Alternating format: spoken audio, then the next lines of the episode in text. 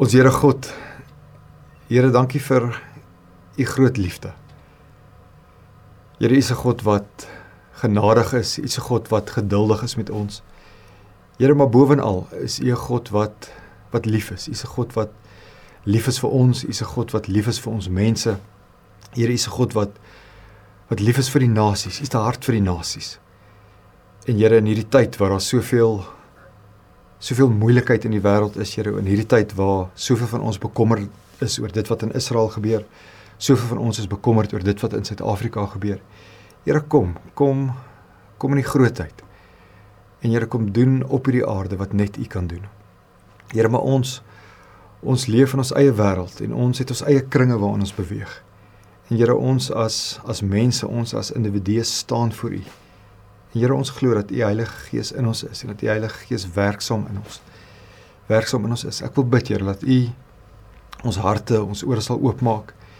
Here mag hierdie hierdie verhaal wat ons gaan lees in die Ou Testament, Here mag hierdie hierdie kort storie, hierdie gebeurtenis Here mag dit 'n uh, 'n lewende gebeure word. Here mag dit tot ons spreek. En Here mag ons U wil hoor vir hierdie tyd waarin ons leef.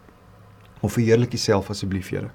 Mag hierdie erediens U laat glimlag. Amen. As jy jou Bybel wil oopmaak soos jy by die huis sit, soos jy dalk by die werk is, is jy welkom om oop te maak by 1 Samuel hoofstuk 24. Ek gaan so 'n paar goed ter inleiding sê en dan gaan ons kyk na die eerste paar verse van hierdie verhaal uit die lewe van Dawid. Ek het sommer net 'n vraag. En die vraag is was jy ooit jou eie grootste vyand. Partykeer as mense sport doen, ek het sommer vanoggend gedink aan golfspelers, baie keer het hulle nie 'n goeie dag gehad en dan sê hulle ek was vandag my eie grootste vyand. Maar as jy dink aan jou lewe, as jy dink aan jou jou lewe die afgelope 10 jaar, die afgelope 20 jaar, was daar al 'n keer wat jy sou gesê, "Jesus, ek was in daai seisoen van my lewe was ek my eie grootste vyand." As ons dit so bietjie bietjie verder van ons afvat, Partykeer dan kyk ons na ons vriende, ons kyk na familielede. Dalk het jy 'n kollega, dalk het jy iemand in jou kompleks, iemand in die straat en jy kyk na daai persoon. Kom sê dis 'n man. Jy kyk na daai persoon en jy sê net vir jouself, "Jesus, daai ou is besig met verkeerde goed. Hy is besig om sy eie grootste vyand te wees." So almal van ons, almal van ons is mens. En ek en jy het die vermoë om ons eie lewe te verwoes. Ek en jy sonder om nou te negatief te wees, sonder om te swaarmoedig te wees. Ek en jy het die vermoë om ons eie lewe en die mense vir wie ons lief is, se lewe te vernuweer. Iemand soos die prediker Annie Stanley sal sê dit dit vat net een verkeerde besluit en jou lewe is in chaos. Een verkeerde besluit en jy het en jy het groot moeilikheid. So ons moet uiters versigtig wees vir hoe ons lewe.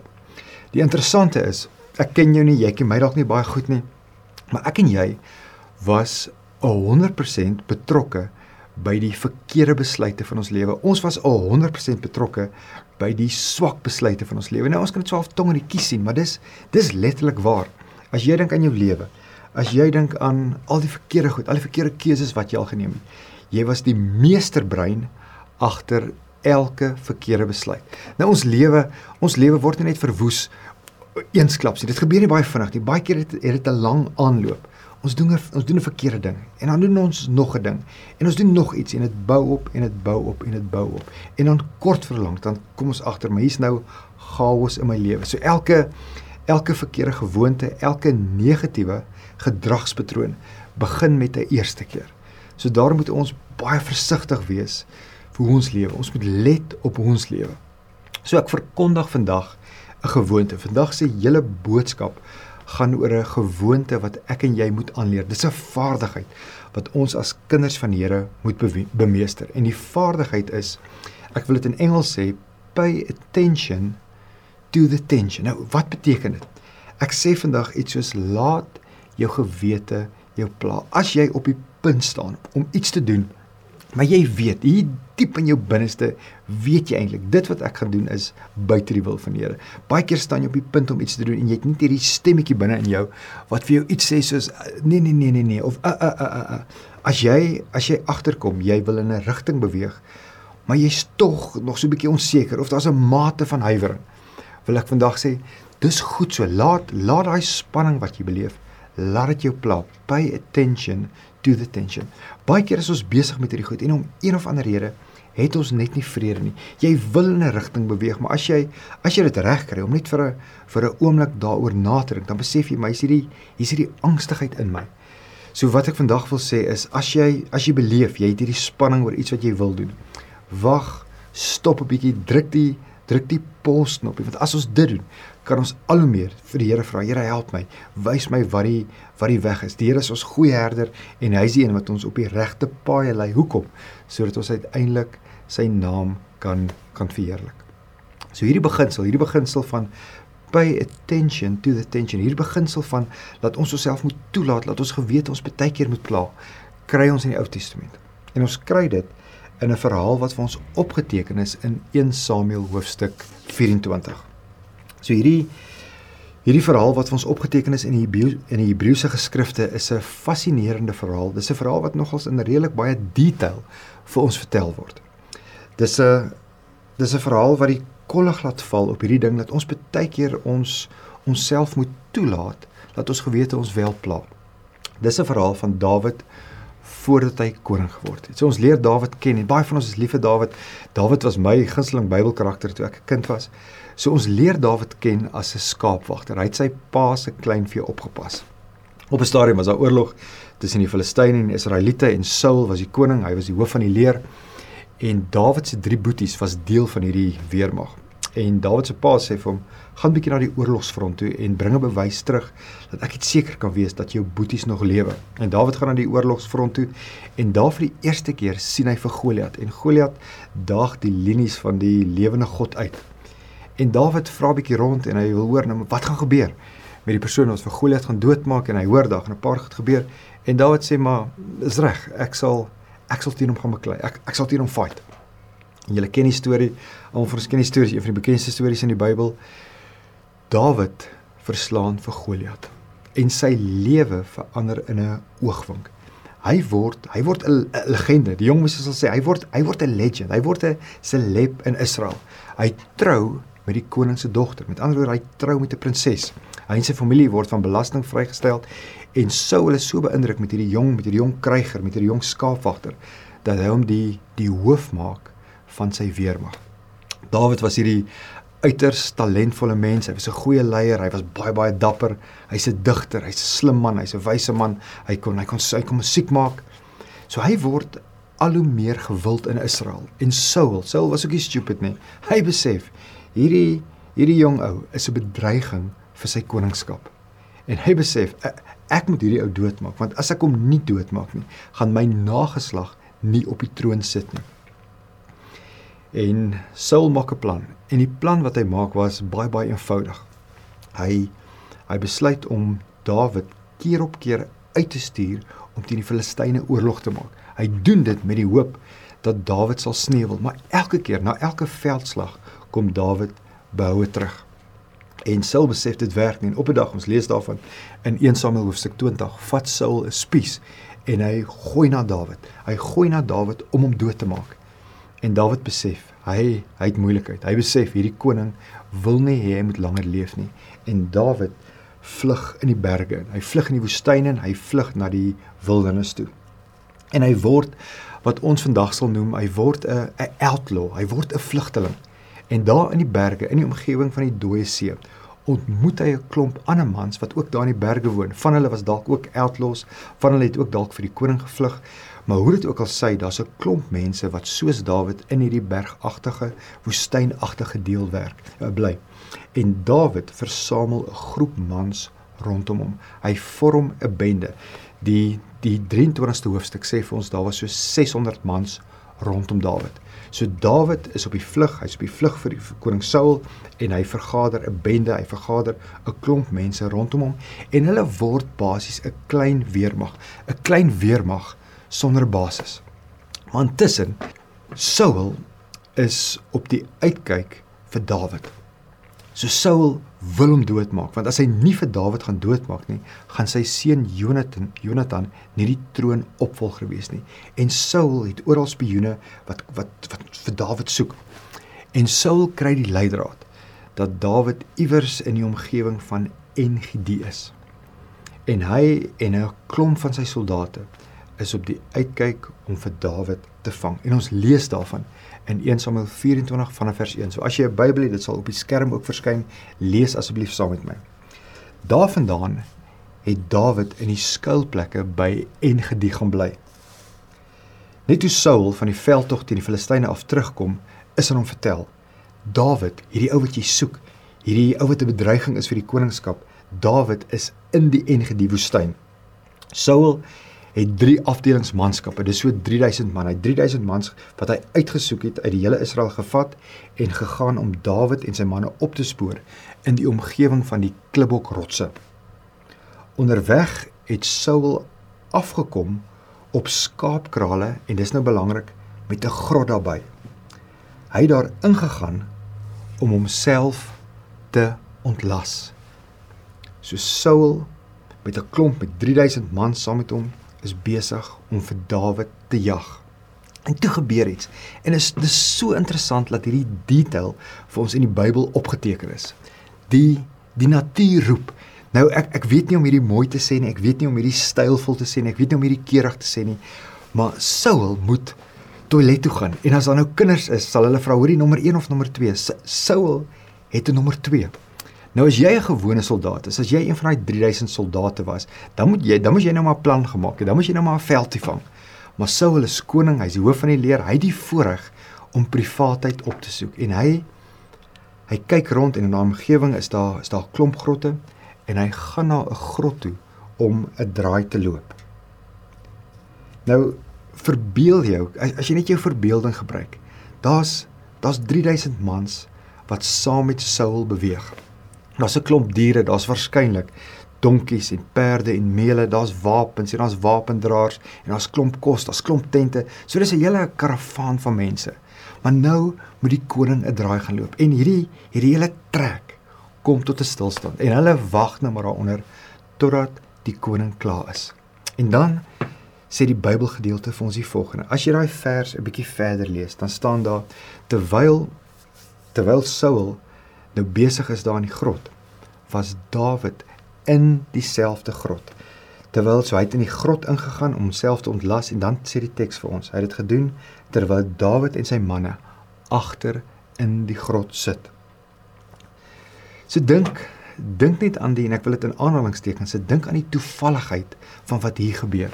Daar is tientalle grotte in die Engedi omgewing. Daar is 'n daar's baie grotte. So so wat's die kans?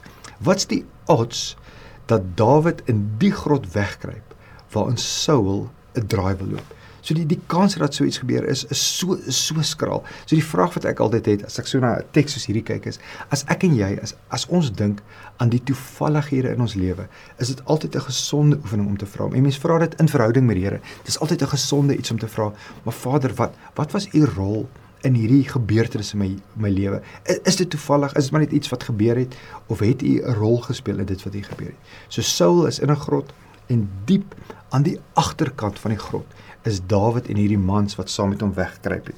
Die Hebreë die, die woord in Hebreëus is die woordjie Jerka en dit beteken iets soos hulle was hulle was op die horison, hulle was aan die kante van die grot. Gewoon in Afrikaans, hulle was ver agter in die grot. En al wat hulle sien is Hier kom 'n man ingestap. Nou dis pikdonker agter in die grot. Hulle sien 'n silhouet. Dalk het hulle geweet hoe Saul beweeg. Dalk het hulle hom herken aan sy klere. Die Bybel sê vir ons Saul was 'n baie baie lang man. So hulle het hierdie silhouet erken en hulle het besef hierdie is koning Saul. Hulle oë was dan dalk al gewoond aan die aan die donkerte in die grot, maar Saul kom nou uit die daglig uit. So hy sou beslis nie agter in die grot kon sien. So hy gaan in die grot in en hy is nou maar daar om te doen wat hy moet doen. Nou is nou is dit nodig dat ons weer ons verbeelding vir 'n oomblik moet gebruik. Daar's 'n goeie kans dat Dawid se manne hulle hulle hande gevryf het. Mens kan amper sê hulle het hulle lippe afgelek. Hoekom?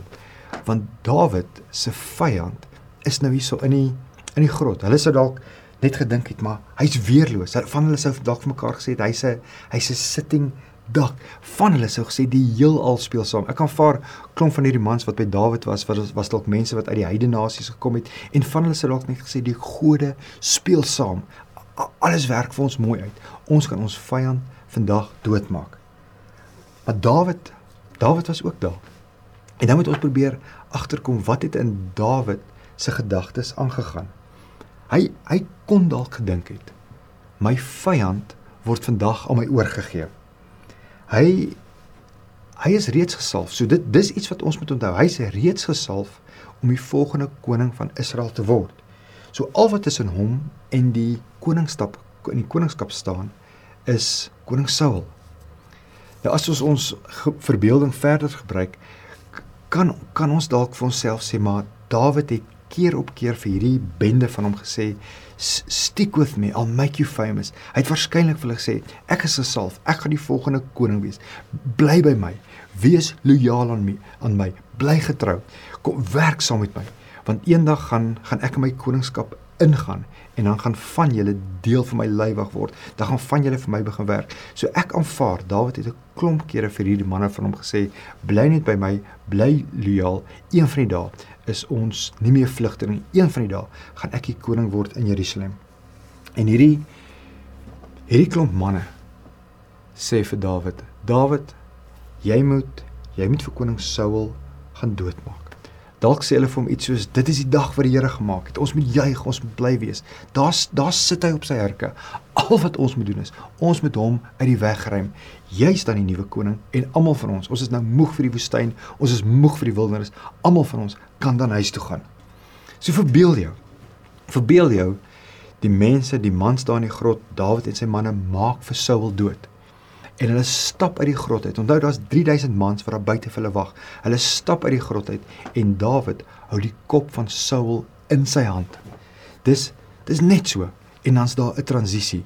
Die koningskap gaan van Saul af oor na Dawid. Dawid is die nuwe koning. Daar's nie 'n burgeroorlog nie en duisende mense se lewens word gespaar.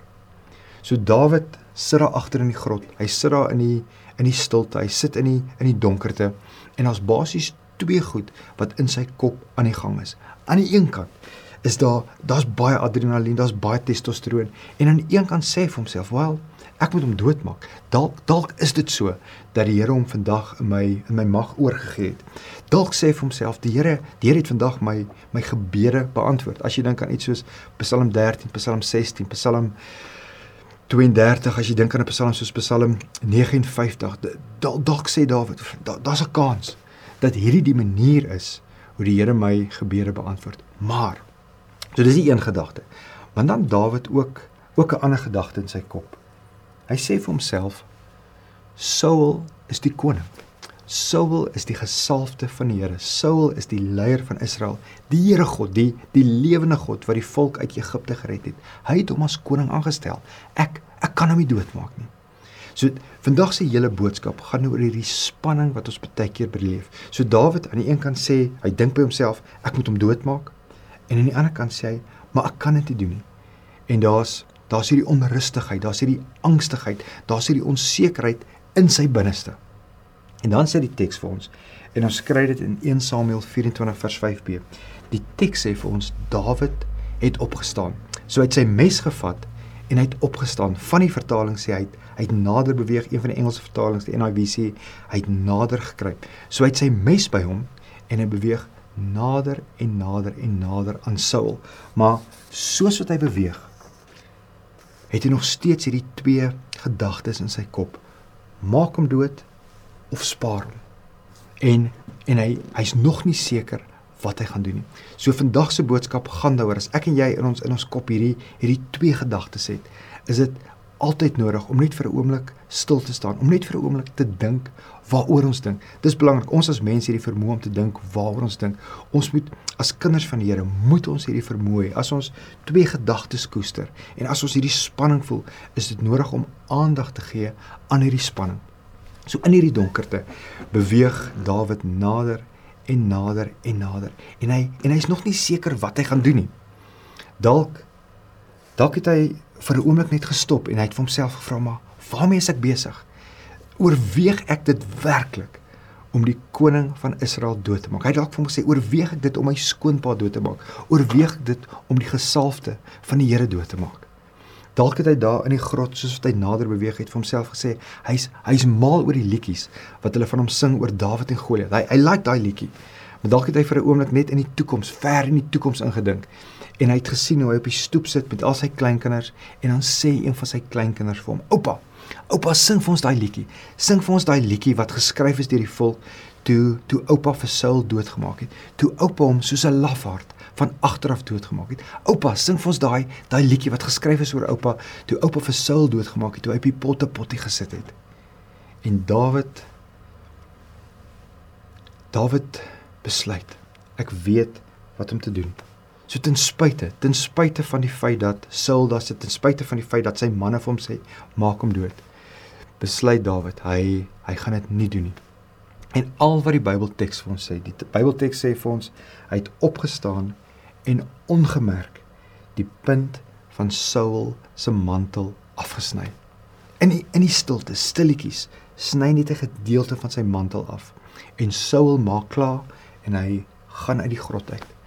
En Dawid draai terug sonder dat Saul dit weet. Dawid draai terug en hy gaan na sy manskappe toe en hy sê vir hulle: "Ek ek gaan hom nie vandag doodmaak nie." En Dawid stap na die die opening van die grot toe en hy begin te gesels. En soos wat da soos wat Saul na sy weermag toe stap, erken hy die stem. En Dawid gaan op sy knieë en hy buig diep voor die koning. En Dawid lewer 'n toespraak. En uiteindelik sê hy vir Saul: "Saul, ek weet, ek weet die mense sê dat ek jou wil kwaad aan doen. Ek weet die mense sê dat ek jou wil leed aan doen, maar ek sal nie, want jy is die gesalfde van die Here." So een een les, een beginsel wat ons hierso kry. As ander mense ver, verkeerde goed teenoor ons doen, as hulle optrede verkeerd is, moet ons nie hulle optrede, hulle verkeerde optrede gebruik as 'n verskoning om self verkeerde goed te doen. So baie keer gebeur dit, gebeur in die huis, baie keer gebeur dit by die werksplek. Ander mense tree verkeerd teenoor ons op. Dan moet ons nie sê ja, omdat hulle verkeerd opgetree, moet ons nou teenoor hulle ook verkeerd optree nie. Dawid is die beter man. Saul sê hy's die beter man en hy doen die regte ding. So julle om dit om dit baie baie persoonlik te maak. As jy voor 'n keuse staan, as jy 'n besluit moet neem, as jy iewers tussen nou en die einde van die jaar 'n kol moet maak, moet jy links, moet jy regs, moet ek ja sê, moet ek nee sê. As daar 'n versoeking in jou lewe is en jy kom agter jy jy, jy koester hierdie ding. As jy as jy agterkom, daar's iets wat jy wil doen, maar jy het hierdie spanning binne jou pay attention to the tension. Gee gee aandag aan jou gewete. Stop 'n bietjie, wag 'n bietjie en praat met die Here daaroor. As ek en jy doen, gaan ons gaan ons leer hoe om al hoe meer in die rigting van die Here te beweeg en ek en jy gaan gaan kan stop dat ons nie ons lewe en ander mense se lewens verwoes nie. Dis natuurlik. Dis natuurlik die die werk van die Heilige Gees. Die Heilige Gees is die een wat in ons is. Die Heilige Gees is die een wat met ons gesels. En ons praat baie keer van hierdie stemmetjie wat ons hoor. As kinders van die Here is die Heilige Gees se rol om ons te lei, om ons te rig. Die belydenisskrifte sê vir ons die Heilige Gees is die Here wat lewend maak. Met ander woorde, hy stuur ons in 'n rigting waar ons al hoe meer in die lig gaan lewe. Hy stuur ons in 'n in 'n rigting waar ons al hoe meer die lewe in oorvloed gaan beleef. Hy stuur ons nooit na donker plekke toe nie. Hy stuur ons nooit op 'n pad van die bose nie. So kerk sonder mure. Ons is mens. Ons het die vermoë om verkeerde besluite te neem. Baie keer neem ons verkeerde besluite. Maar tog, as ons as ons net sal stop, as ons net so in daai oomblikke, net so net so vir 'n oomblik sal dink, waarmee is ons besig? Dan maak ons die deur oop vir die Heilige Gees om inspraak te gee in ons lewe. Mag ons mag ons hierdie gewoonte aanleer, mag ons hierdie gewoonte, mag ons dit kweek. Mag ons weer terugkom op die Here se pad. In die Ou Testament beteken die woordjie bekering, jy maak 'n U-draai, jy vat 'n afdraai paadjie, maar dan maak jy 'n U-turn en jy kom weer op die pad van die Here. In die Nuwe Testament word die woordjie metanoia gebruik en dit beteken om anders te dink, om nie te dink. So mag ek en jy, as ons oorweeg, as ons oorweeg om verkeerde goed te doen, mag ons met die Here wat in ons is, mag ons 'n U-draai ook in ons gedagtes maak en mag ons nie dink, mag ons ons gedagtes kry in lyn met die Here se gedagtes. Kom Kom ons dit net so. Kom ons doen 'n gebed saam. Ons Here is ons God. En Here, U weet, daar's daar's soveel besluite wat ons kan neem. Here, U weet daar's soveel verkeerde besluite wat ons al geneem het. Maar Here, ons ons weet ook, baie keer as ons voor 'n keuse staan, baie keer as ons voor voor 'n besluit staan, dan is ons gewoon net onrustig. Ons het nie vrede nie, ons is bietjie angstig. Ons beleef 'n sekere tipe spanning.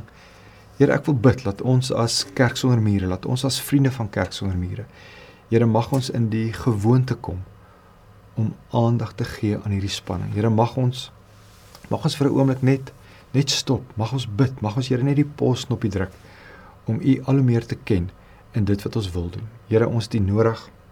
Ons het U nodig as ons goeie herder. Here, ons het U nodig om ons te wys wat se pad ons moet loop. Here, U weet ons kennis, ons kennis is uiters is uiters beperk. Here, U weet ons ons weet nie wat die toekoms inhou nie.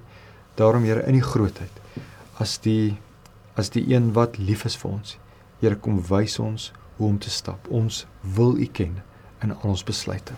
Amen.